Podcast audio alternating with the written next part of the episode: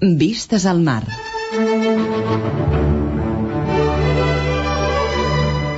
Vistes al mar. Una mirada als nostres músics.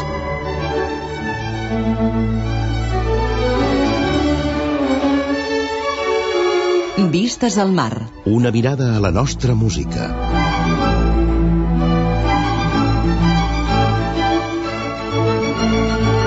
Vistes al mar. La música i els músics que han fet història al nostre país. Vistes al mar. Un programa realitzat i presentat per Xavier Xavarria. Bona nit i benvinguts a una nova edició de Vistes al Mar, el programa que Catalunya Música dedica a la música i als músics del nostre país. Rebeu una cordial salutació de part de l'equip que fa possible aquest programa, en Josep Maria Marçà, que controla la part tècnica des del control de so, i qui us parla, Xavier Xavarria. Avui, encara en plena època nadalenca, volem parlar de la tradició musical a casa nostra, de la música, les cantades, les nadales, els villancets que han servit als catalans per celebrar el Nadal al llarg dels segles.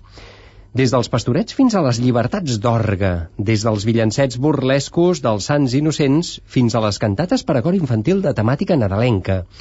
Quins temes han estat protagonistes d'aquesta música? Quin llenguatge musical fan servir? Quin lligam amb la tradició hi trobem? Quins autors s'hi han dedicat? Avui, doncs, a Vistes al Mar parlarem de cantates i cantades de Nadal i ho farem amb tot un expert en la matèria, el senyor Francesc Cortès, doctor en musicologia i professor de la Universitat Autònoma. Bona nit, senyor Cortès, i gràcies per haver acceptat la nostra invitació. Molt bona nit i moltes gràcies. Volem parlar de la tradició nadalenca i de la música tal com s'ha desenvolupat al nostre país, especialment des del segle XVII o XVIII, podríem dir, des del que diríem musicalment el barroc. Els usos, els costums, el que es cantava per Nadal i el que cantava la gent del poble era semblant al que fem ara? Algunes coses sorprenentment sí. Per exemple, algunes de les Nadales catalanes que avui en dia doncs, encara eh, les estem cantant eren ja presents en aquella època, però altres evidentment han canviat molt. Eh, conforme ha canviat doncs, esclar, els usos del Nadal i conforme també ha canviat la manera de practicar religiosament o laicament el Nadal una de les músiques del tipus del gènere de música més utilitzat eren els villancets. Què és exactament un villancet? A veure, el villancet és un, una de forma musical molt arrelada eh, en el gènere hispànic. Eh, el, el villancet, en, en principi, era una peça eh, de tipus popular, molt simple. Esclar, de fet, la paraula villancet, de billar, eh, ve d'aquí. Era tan simple com tenir eh, una tornada que es anava repetint i després unes estrofes eh, que es anaven canviant, és a dir, igual que estem eh, fent actualment. Uh mhm. -huh. Llavors, generalment, el que és la tornada eh, la cantava el cor i les coples les cantaven uns solistes. Aquest gènere ja el trobem doncs, en el Renaixement, i és present en aquella època. I no necessàriament lligat amb el cicle de Nadal que això és important, avui quan diem el villancico el villancet, pensem que és clar que és només per Nadal. Hi havia doncs eh, villancets per la diada del Corpus hi havia villancets eh, per les de, diades doncs, de determinats sants eh, algunes festes una miqueta assenyalades. Després també hi ha alguns, no gaire però també n'existeixen, que més endavant es diran tonos humanos, que estan lligats amb temàtica absolutament profana Uh -huh. uh, podem trobar doncs, villancets uh, lligats amb uh, una celebració uh, d'un acte, diguéssim, social tipus polític, no necessàriament religiós. I, és clar i una part important doncs, eren els villancets de tot el segle de Nadal.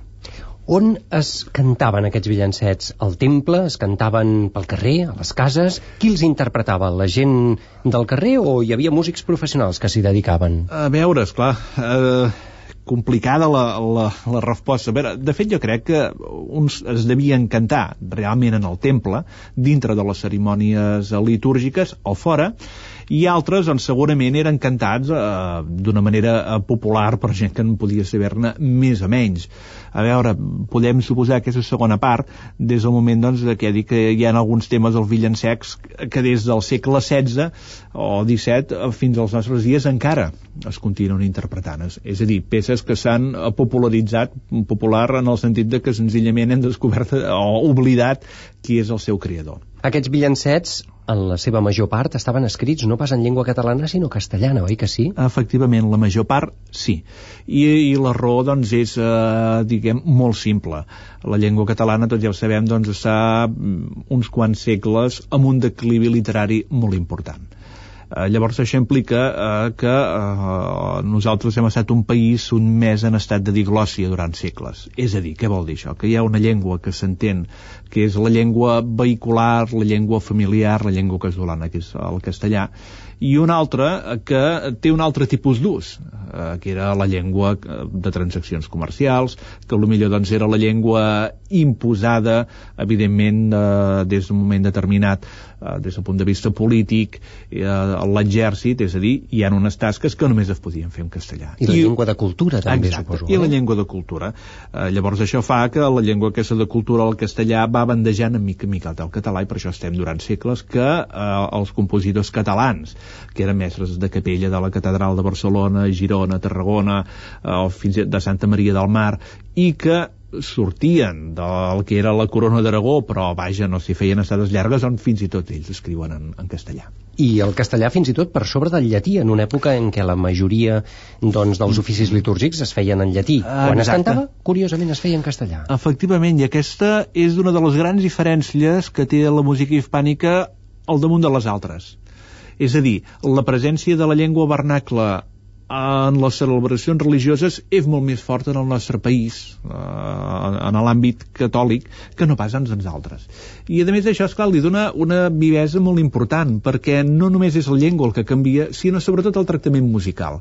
Eh, trobem uns ritmes que, evidentment, en el repertori de la música litúrgica pròpiament dita, escrita en llatí, no hi són, eh, trobem uns girs eh, formals que tampoc hi són i trobem una manera d'interpretar la música que tampoc hi és, uns personatges eh, del tot arreuixats, eh, com dèiem abans, burlescos, que difícilment ho trobaríem en el repertori italià i molt menys en el repertori francès.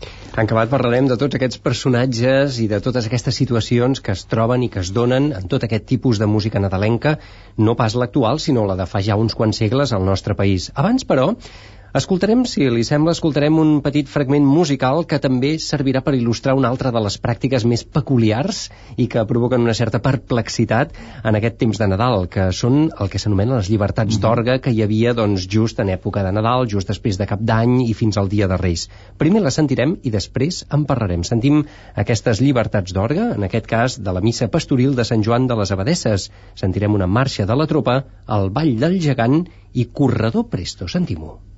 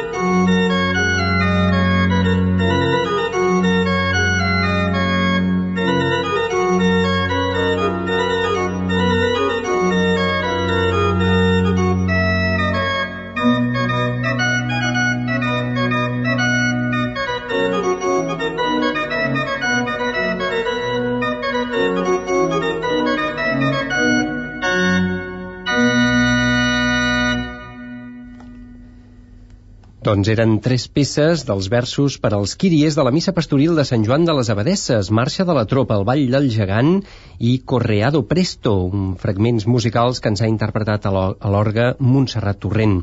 Llibertats d'orgue, això és una cosa força típica del temps de Nadal. En què consisteix exactament? La llibertat d'orgue eren eh, unes peces que evidentment no eren pas de, del cicle religiós, en aquell sentit que un cant del, bueno, una peça per tocar als gegants, un uh mhm. -huh. correado que devia ser bé un coreado o una cançó de, de fer rotllanes. -huh. i l'altra que també és una peça de tipus popular. Sí, el ball del gegant. Això, ja em diràs, això de missa no és gaire, o no gens. Llavors aquest tipus d'obres es permetien fer entre la Diada dels Sants Innocents i la Diada dels Reis, bàsicament com aquests ara, és a dir, dies en els quals els músics, eh, els organistes que eren els quals que tocaven més i feien més, més barrila, se'ls hi permetia tocar peces que no eren pas de l'àmbit religiós. I generalment doncs, sempre eren peces populars, peces de carrers, després, bueno, s'havien arribat a tocar balsos, passos dobles a les esglésies. A les esglésies? Oh, i tant. Que I sí. en temps de Nadal? I en temps de Nadal. I en això consistien aquestes llibertats d'orgue, és a dir, aquell dia els músics eren absolutament lliures per fer el que més els avellia i que generalment era una barrela impressionant. Esclar, avui a nosaltres ens pot semblar que no n'hi ha per tant. Però, bueno, depèn d'on t'ho féssim, eh? segurament n'hi hauria per més, però en aquella època que eren doncs, molt, molt severs en algun sentit, esclar, això els feia escruixir. Això es feia en algun moment concret de la litúrgia? Sí, es feien diversos moments. En, aquí, en aquest cas hem sentit que això es feia a l'hora del Quíria. Exacte. Eh, I això vol dir que en comptes dels versets, és a dir, d'aquells fragments que tocava l'orga per acompanyar el xantre al cant del Quíria, doncs en comptes de fer un salmejat sobre el Quíria, doncs li podien tocar què li donarem a la pastoreta, per dir-ho d'alguna manera. Esclar, davant de la rialla de tota la canalla, i segurament doncs, a la gent del públic que devia estar-ne molt content. I estava ben vist això per la jerarquia eclesiàstica que oficiava? Gens ni mica. Ah, I això com es permetia, mica. doncs? Bé, és clar, suposo que era la manera d'aquell dia tenir una miqueta... Bé, les esglésies devien estar plenes, sempre això ho han sí, estat. Clar. Aquest I devia aquell... ser un bon, un bon ah, reclam, ah, oi? Fins i tot hi havia doncs, reclams molt més divertits eh, i que ara alguns, bueno, fa pocs dies me'l vaig trobar per, per les rodalies de la catedral era molt típic que en els orgues eh, catalans d'aquella època a sota hi havia el que s'anomenava el cap de moro és a dir, una cara una carassa uh mhm. -huh. de, de fusta generalment amb una cara de turc o una cara de musulmà perquè oi, ja sabem que llavors aquesta qüestió políticament correcta no es vetllava no i per, per la boca d'aquestes carasses tiraven llaminadures i carmels i confits que la quitxalla posaven a sota i crits i més i sí. més i més i més. I això passava ja aleshores? I això passava allà aleshores, sí, i, esclar, sí. i, eh, vaja, no només en el de la catedral de Barcelona, sinó a diverses carasses dels orgues de l'època. Era una altra de les llibertats que es prenien en aquella època. déu nhi I tot això suposo coincidint amb la festa dels Sants Innocents. Hi havia altres pràctiques que tinguessin alguna mena de repercussió musical de, de tota aquesta festa dels Innocents, de la gatzara sí, sí, i de la barrila sí. que s'hi feia? Bueno, i també fins i tot per Nadal era molt habitual fer doncs, el que se'n deia un repertori pastoril. Eh, el repertori pastoril solia consistir, primer, a tocar peces de tipus pastorils, és a dir, a ritmes a 6-8, a ritmes com dansats, i després també tocar a instruments de canya d'inxa, flautats, eh, és a dir, instruments que durant l'any, doncs, home, millor que no hi fossin, és a dir, veure la gran prohibició, o, o més que prohibició, la gran regulació dels instruments en la música religiosa ens hem d'esperar ja a les darreries del 19 i sobretot a partir del motu propi. Però abans, depèn de quins llocs hi havia restriccions, a no fer servir doncs, determinats tipus d'instruments, a no fer servir uh, danses, és a dir, intentar evitar que tot allò massa popular hi fos. Clar, Eh, jo crec que hem de llegir que sempre que s'intenta evitar quelcom és que hi ha una proliferació horrorosa. Exacte. Si prohibíem anar 120 per hora és que tothom va per l'autopista 140. Llavors, si prohibien que en aquells moments hi hagués massa música de tipus teatral o popular, és que els músics a la que podien deixaven córrer un repertori massa embarat i feien aquest tipus de música. I, esclar, i per Nadal, doncs, no hi havia d'aturador.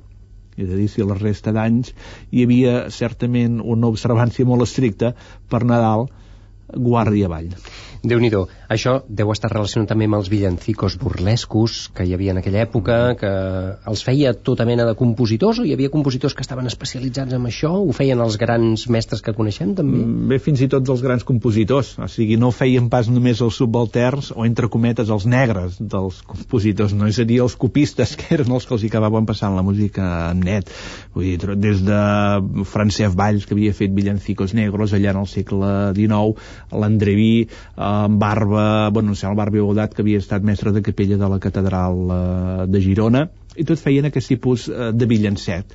És a dir, el burlesco eren perquè generalment passaven coses absolutament còmiques en l'argument del text que es cantava en castellà. Relacionat amb els pastors, amb alguns personatges ah, especialment doncs, divertits, no? Sí, per exemple... Surrealistes, en algun el cas. El dimoni escuat. Sí, Aquesta Nadal, tant d'estar per casa que tenim nosaltres avui en dia, ben segur que algun tema de dimoni escuat en el segle XIX, una miqueta més seriós, ens trobarem. I també a vegades l'aparició de personatges peculiars que això ja trobes en el barroc.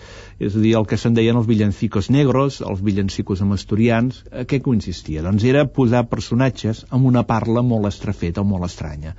El villancico negro generalment solia tenir un argument eh, tal com és. Un grup de pastors, te n'arriba un que és evidentment un guinar i que parlava doncs, amb un llenguatge guinà inventat, és a dir, cotumbí, cotumbà, cotumbé, de Santo Tomé, sí. per exemple, per dir que el com, i llavors portaven un bitllete, és a dir, una nota que li havia donat un altre i que ell no el sabia llegir, llavors el llegia malament, els altres o s'esclafien de riure, llavors després hi havia un altre que el replicava i l'altre parlava amb asturiano, per exemple, que també són habituals, és a dir, un personatge que tot ho acabava amb u, Bé, era una manera doncs, de fer constantment barrila, d'ironitzar sobre bé, les diferents parles. Uh mhm. -huh se m'acut i recordo ara, per exemple, la cèlebre ensalada La Negrina ah. de Mateu Fletxa, mm -hmm. que de fet també no deixa de ser una cançó de Nadal molt, ex molt llarga, extensa, 10 minuts gairebé dura, sí, és com sí. una mena de villancet su super desenvolupat, ah, i on hi ha al final de tot, diguem-ne, aquesta presència d'una parla del que seria doncs, algun personatge doncs, negre o vingut de Guinea o de la illa de Santo Tomé, precisament, al, sí, sí. al,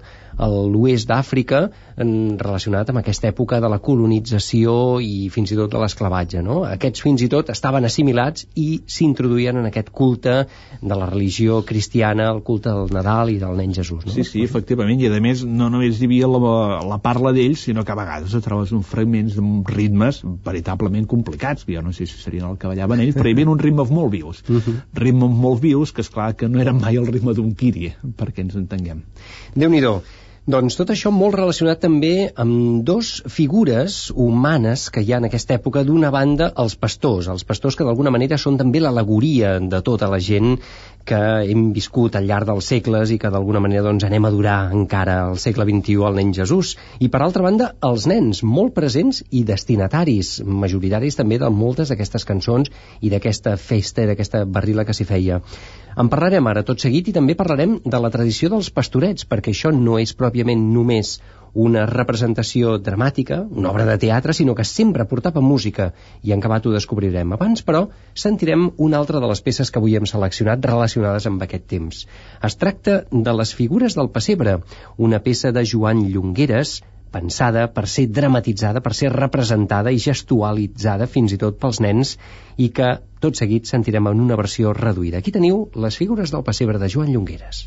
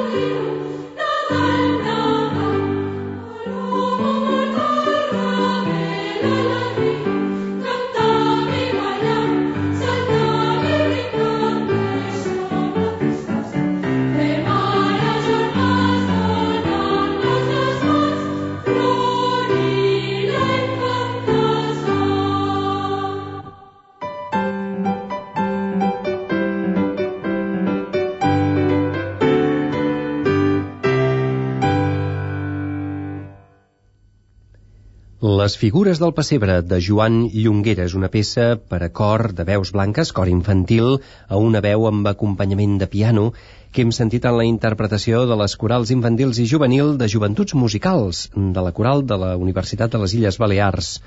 Aquesta era una de les peces ideada precisament per Joan Llongueres per celebrar el Nadal també amb els nens. I li volem preguntar al senyor Francesc Cortés, el nostre convidat d'avui, precisament la relació també que s'ha establert al llarg de tota aquesta història de la música nadalenca amb els nens, és a dir, música dedicada als nens. Després parlarem de la que es fa actualment, des de les corals infantils i tal, però a tombant de segle XIX i XX també n'hi havia, n'hi havia hagut experiències abans de les de Joan Llongueres, d'acostament de la música nadalenca als nens, específicament? Sí, n'hi ha bastanta, o sigui, més, més de la que pugui semblar. Uh, curiosament, en el tombant de segle hi ha un moment molt important en el que produeix una revitalització del teatre català i del teatre amb música català, del teatre líric català. Llavors, dins aquell context, esclar, evidentment, quan un se cosa cap a les dates nadalenques, a banda del Fastorets, que ja és una altra qüestió, però també molt similar en punts de contacte, hi ha un seguit de peces, generalment a vegades peces més o menys curtes, que no saps exactament com les has de classificar. Clar, cantat en si, doncs, no ho són del tot, perquè potser l'extensió tampoc ho acaba de ser, tampoc són una sèrie de peces petitones eh, posades una darrere de l'altra perquè volen aspirar-se una miqueta més i que totes tenen a veure amb aquesta temàtica nadalenca en el sentit que hi ha primer que un interès per trobar un repertori diferent un repertori que tractés el tema de Nadal adreçat a la mainada però eh, una mica més elaborat per dir-ho d'alguna manera, és com una mena d'intent del pastorets, de, de, ai, perdó, de la, del patufet del Folk i Torres, posem per cas, mm -hmm. i llavors buscant una música que no fos una cita i prou del que és uh, del villancet popular. Clar, tot això ens donen aquestes peces que en Enric Morera uh, també uh, en va conrear, sobretot doncs en Llongueres, esclar, ell amb molta finalitat uh, diguéssim, abocada a la pedagogia, o d'oferir un compositor que avui en dia s'ha com del tot oblidat, que era l'Eusebi Bosch i Homet, i aquest bon personatge va escriure una quantitat important d'aquest tipus de peces. Peces pensades pels nens per ser interpretades també pels Efectivament. nens. Efectivament, no? exacte. Teatre de nens uh mhm. -huh. per nens. I fins i tot Enric Granados havia arribat a fer una mena de cantata nadalenca destinada a un públic reduït, íntim, gairebé familiar i pensada pels nens, la Cieguita de Belém o alguna per l'estil. Sí, sí, sí, exacte, que és d'aquest títol tan peculiar, però sí, bueno, Enric Granados va fer molta més coses, quan nosaltres el tenim avui en dia encasellat eh, al piano i sembla que no hagués exacte. pogut fer res més i hi ha moments que un dubte si va fer més a l'altre que d'això. La Cita de Belén és una peça, diguéssim que molt circumstancial, però potser no tant. Va, era una obra que va representar a casa de la família Guarro, que en tot cas la va escriure per allí el que, és clar, a mi em va caure bueno, la vaig llegir un dia a la Biblioteca de Catalunya que és ara on està conservada i el que em va sobtar d'entrada era veure qui l'havia interpretat no? allà vaig trobar que l'havia interpretat en Pau Casals que hi havia Frank Marshall tocant el piano Caram. que hi havia Conxita Badia cantant i dius, no, Déu-n'hi-do dic, bé, no surt una miqueta de l'habitual i a sobre l'havia fet Granados i a partir de refós d'altre tipus de peces clar, aquesta era una peça en la qual a banda d'haver-hi aquests músics molt significatius per al nostre país, doncs bé, també hi havia un cor de nens que devien ser doncs, els nens de, eh, de la casa, juntament amb els amics, i que la van doncs, interpretar a principis del segle XX. Per tant, els nens també sempre destinataris d'aquest tipus de música, fins i tot de grans compositors com Enric Granados, això si no recordo malament, es exacte. va arribar a, a, a interpretar el 1915, ah, exacte, tant, sí, sí. poc temps abans de la mort d'Enric de, Granados. Ah, exacte, sí, sí. I acabem de sentir aquestes figures del pessebre de Joan Llongueres, parlant d'aquestes figures del pessebre, dels pastorets i també de la, dels personatges que surten en aquesta música, les figures eternes de vida senzilla, podríem parlar doncs d'això, dels pastorets, una tradició mm. que normalment s'associa a la, a la dramatúrgia, pròpiament com una obra de teatre, però no, resulta que aquests pastorets que tenen una llarga història, de dècada, de, de segles gairebé, tenien música sempre i a més a més música de qualitat interpretada en directe, oi? Sí, exacte. A veure, podria anar-nos perfectament al 18, per no dir que fins i tot una miqueta abans, però a veure, jo, si més no el que hem pogut trobar és que al principis del segle XIX, abans de la dominació francesa i encavalcant-nos amb, el, amb el tombant de segle, a Barcelona representaven aquests pastorets i eh, quan s'anunciava la seva interpretació sempre s'insistia que hi havia àries, villancets, bailetes i dels passatges corals. És a dir, que hi havia una part musical sempre lligada en aquestes representacions Per tant, de pastorets. conjunt instrumental i, a més a més, cor. Seguríssim. A part dels actors i de la representació. De Segur. I a més, doncs, eh, te'ls trobes des de interpretats el que llavors s'anomenava la plaça de los Gigantes eh, de Barcelona, com fins i tot en el Teatre de la Santa Creu suposo que és clar que les condicions de la climatologia o a vegades eren una miqueta qüestions de tipus polític, eh? no sé si és casualitat que en l'època del tren liberal i a l'època del francès ens fessin a fora del teatre segurament adreçat a molta més gent, després de fer dintre del teatre després, doncs, esclar, ja més enllà del segle tenim doncs, el Sapitarra, que també anaven amb música és a dir, sempre la part musical hi està lligada Uh -huh. Curiós perquè, a més a més, trobem altres grans literats, eh, homes de lletres del nostre país, Josep Carner, per exemple, o Jacint Verdaguer, que va mm. posar el text en una obra de música mm, nadalenca de Morera, l'adoració dels pastors, del 1901. Per tant, sí, estem sí. parlant realment de, de, de grans noms que s'associen, Enric Morera i Jacint Verdaguer, per exemple, sí, sí. o altres compositors. Quins eren els més, els més coneguts en aquella època de tomant de segle XIX-XX? Jo diria que el tema de Nadal, si fa no fa, el, si s'hi van apropar la major part de compositors. Eh, no tots pas doncs, fent obres d'aquesta eh, grandària com és el cas de Morera però pràcticament tot el Lió també té alguna peça Uh, Pujols uh, també té uh, bastantes peces. Francesc Llongueres és, el qui mm, sense cap mena de dubte més en va conrear durant aquells anys.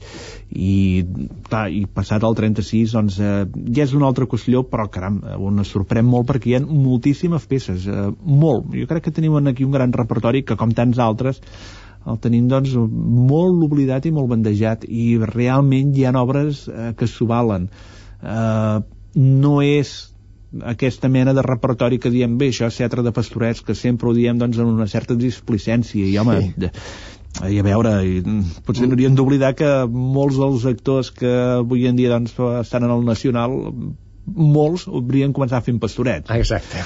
I a banda, sí, doncs, d'aquesta suposada displicència, hi ha peces de pastorets que són d'una gran qualitat. Mm -hmm. Per tant, el repertori de Nadal no té per què ser només aquesta mena d'obres, sinó que tenim obres veritablement molt boniques, el que és clar, o bé creia que caiem nosaltres en el cofuisme o caiem doncs, sempre pensant que res del que fem està bé i ens equivoquem.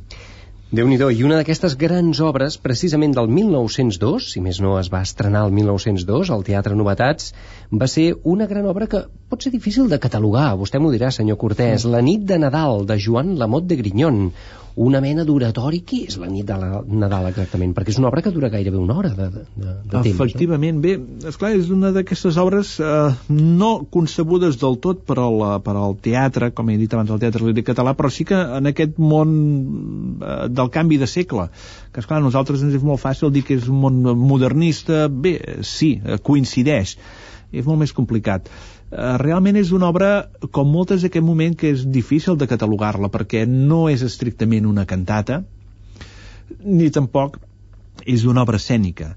És una obra pensada per l'intervenció de cor, eh, també hi ha un cor de nens, hi ha uns solistes, i et trobes amb una composició, amb un tractament instrumental eh, absolutament sinfònic, amb una cura i, i una volada excepcional. Harmònicament riquíssim. Molt riquíssim. A veure, quan l'estrenen el 1902 no la van estrenar precisament per les diades de Nadal, tot i que després del 1905, amb els teatres d'audicions de Graner que va fent a la sala Mercè de les Rambles la reciclen eh, per dir-ho d'alguna manera, és a dir, s'inventen unes eh, decoracions, unes escenografies i per la qualitat de l'obra la fan allí, però és que és una obra eh, exportable a concert qualsevol dia de l'any. Veure, mm -hmm. la cantata de Nadal eh, no de Bach no té per què fer-se només en els dies de Nadal, ja sabem que està concebuda per aquells dies, i evidentment doncs la peça de la Mot de Grignon, d'en Joan Lamot de Grignon, que era un molt bon compositor, se diu en aquelles diades, però no únicament. Tampoc és que sigui una obra doncs, d'un doncs, tipus wagnerià, no del tot, és una obra molt ben escrita, temàticament molt ben trebada i amb una cura en les veus excepcional. Doncs, si li sembla, sentim-ne un parell de fragments. Hem seleccionat el cant dels pastors i la dansa dels pastors d'aquesta nit de Nadal, aquesta gran obra de Joan Lamot de Grignon. Sentim-ho.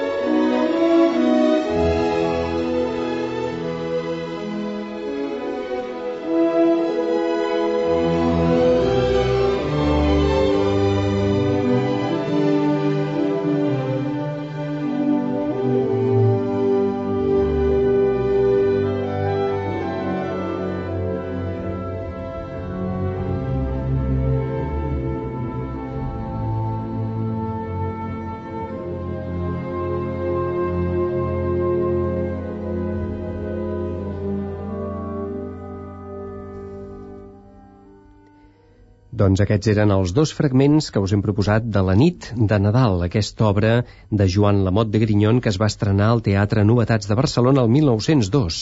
Hem sentit el cant dels pastors i la dansa dels pastors, dos fragments sinfònico-corals en la interpretació de l'OBC, de l'Orfeó català i la direcció de Salvador Brutons. Avui parlem a vistes al mar de les cantates i les cantades de Nadal, la música nadalenca de tota mena i que s'ha fet al llarg de la història a Catalunya, evidentment, com podeu veure, d'una manera molt resumida i gairebé a vista d'ocell. I ho fem amb en Francesc Cortès, que és doctor en musicologia i que ha tractat i ha treballat a fons aquest tema. Parlem també del que serien la música, les obres, les composicions ja del segle XX, pròpiament, Pot ser, no cal parlar del pessebre de Pau Casals, ja n'hem parlat am, àmpliament en altres ocasions, però sí d'altres compositors que també s'han dedicat a fer música nadalenca. Ireneu Sagarra, per exemple, Narcís mm-hmm. Bonet, mm-hmm. etc. És habitual que els grans compositors dediquin també la seva atenció a la música de Nadal? Jo diria que sí. Uh, I en aquest cas, esclar, ja hauríem de fer-ho des d'una doble vessant.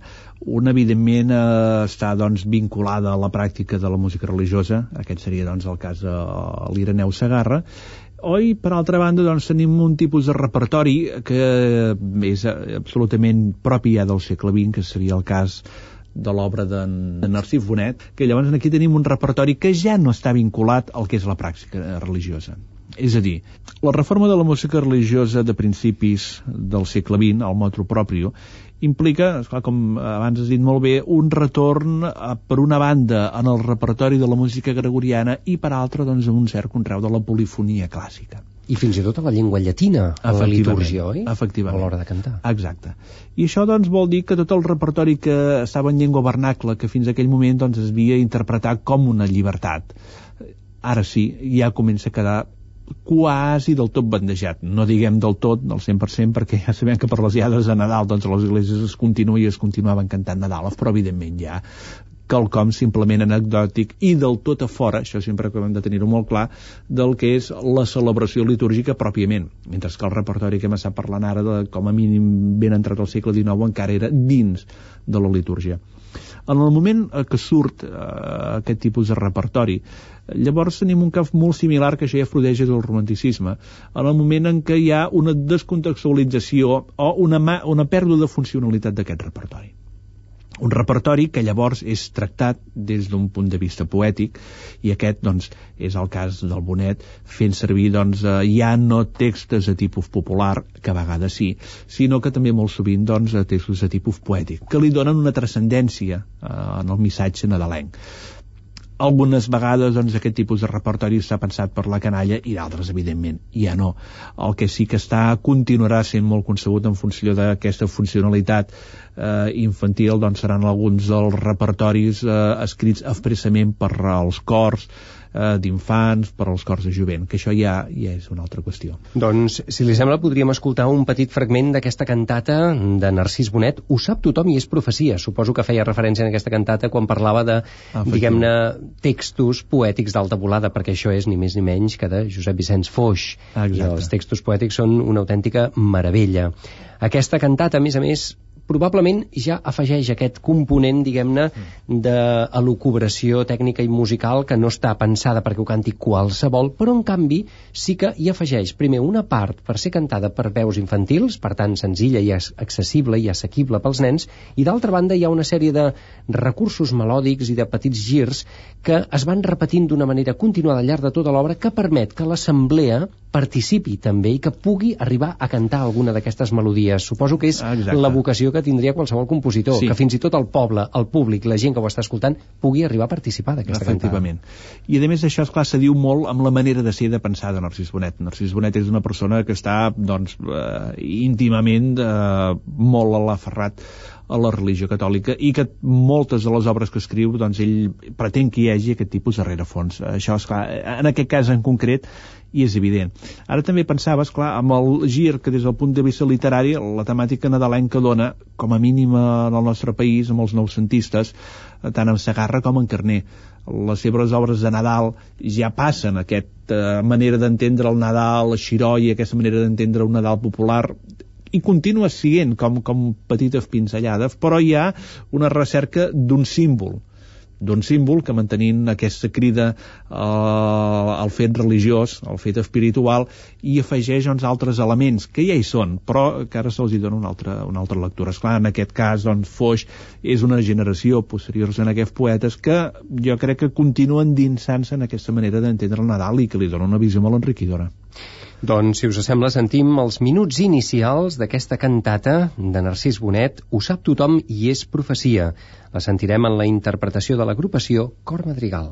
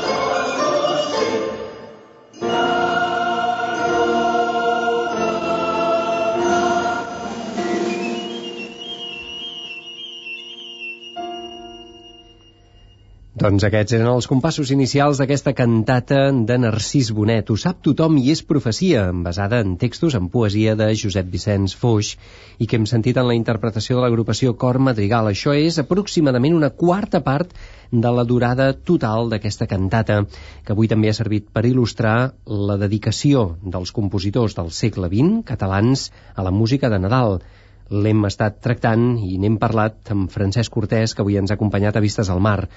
Per acabar, senyor Cortés, les corals infantils ara estan fent una bona tasca també de difusió de tot aquest eh, repertori tradicional, no només de les cançons pròpiament tradicionals, sinó que també estan generant obres de nova fornada de grans compositors o compositors que s'hi dediquen per ser interpretades doncs, en les seves trobades, etc. Per tant, això està en plena vigència i vigor, no? Mm, home, jo crec que sí, i això demostra, doncs, clar, la vitalitat del gènere a les trobades que fan de la Federació de...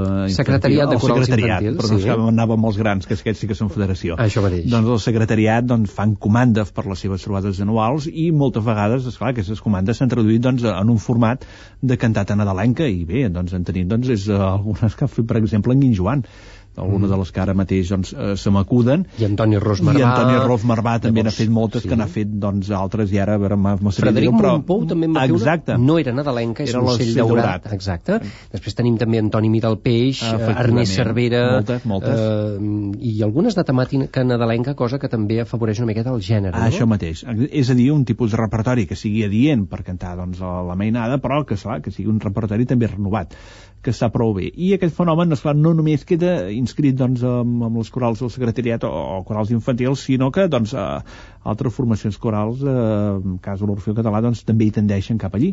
Uh. -huh. Que jo crec que és bo, perquè això demostra, clar que no és un tipus de repertori tancat i que el, el Nadal el podem afrontar des de molts punts de vista i que no sempre hem d'anar agafant o tirant del sac de los mateixos tipus d'obres, que esclar que això desgraciadament es passa amb, amb massa tipus de repertoris. Uh mhm. -huh. Avui hem parlat de la música d'autor, de les composicions dedicades al temps de Nadal de tots aquests eh, compositors músics de casa nostra i des de molts punts de vista i volem acabar aquesta conversa i el programa d'avui també escoltant un petit exemple, una mostra d'això del qual us acabem de parlar, d'aquestes cançons, d'aquestes cantates de temàtica nadalenca dedicades i adreçades també al públic més infantil, perquè siguin cantades i també escoltades i disfrutades pel públic infantil. Acabarem el nostre programa precisament amb un fragment de la cantata Nadal 2000 del compositor Josep Vila, que de fet és el director de l'Orfeo català, i basada, aquesta cantata, en textos de Miquel Martí i Pol. Per tant, també un bon tàndem literatura i música, en aquest cas, sí, sí. dedicada als nens. Per tant, els nens tenen un tresor entre mans, des del punt de vista musical, però també literari, no? Clar, això nens, pares i qui ho escolti, que això, això realment és, és, està molt bé. És a dir, aquest tipus de repertori, però trenat d'una manera doncs, eh, molt ben feta. Doncs aquest serà el punt final d'aquest programa d'avui, Vistes al Mar, que hem tingut, a més a més, amb la presència de Francesc Cortés. Moltes gràcies, senyor Cortés. A vosaltres. Que acabi de passar unes bones festes. Igualment, i que se n'escriguin moltes més de cantates. Això mateix. I ens acomiadem també l'equip que ha fet possible aquest programa, Josep Maria Marçà, des del control de so, i qui us parla, Xavier Xavarria. Us deixem amb la música de Josep Vila, un fragment de la cantata Nadal 2000. La música segueix plenament vigent.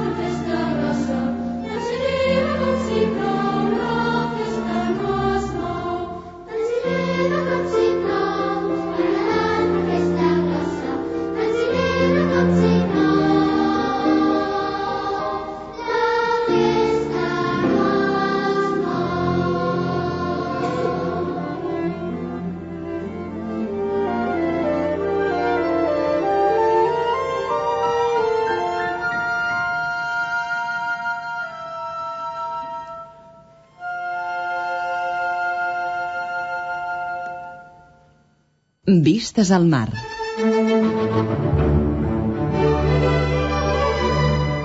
Vistes al mar. Una mirada als nostres músics.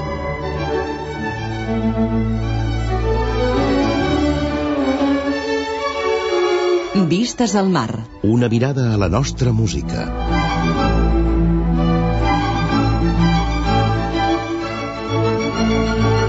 Vistes al mar. La música i els músics que han fet història al nostre país. Vistes al mar.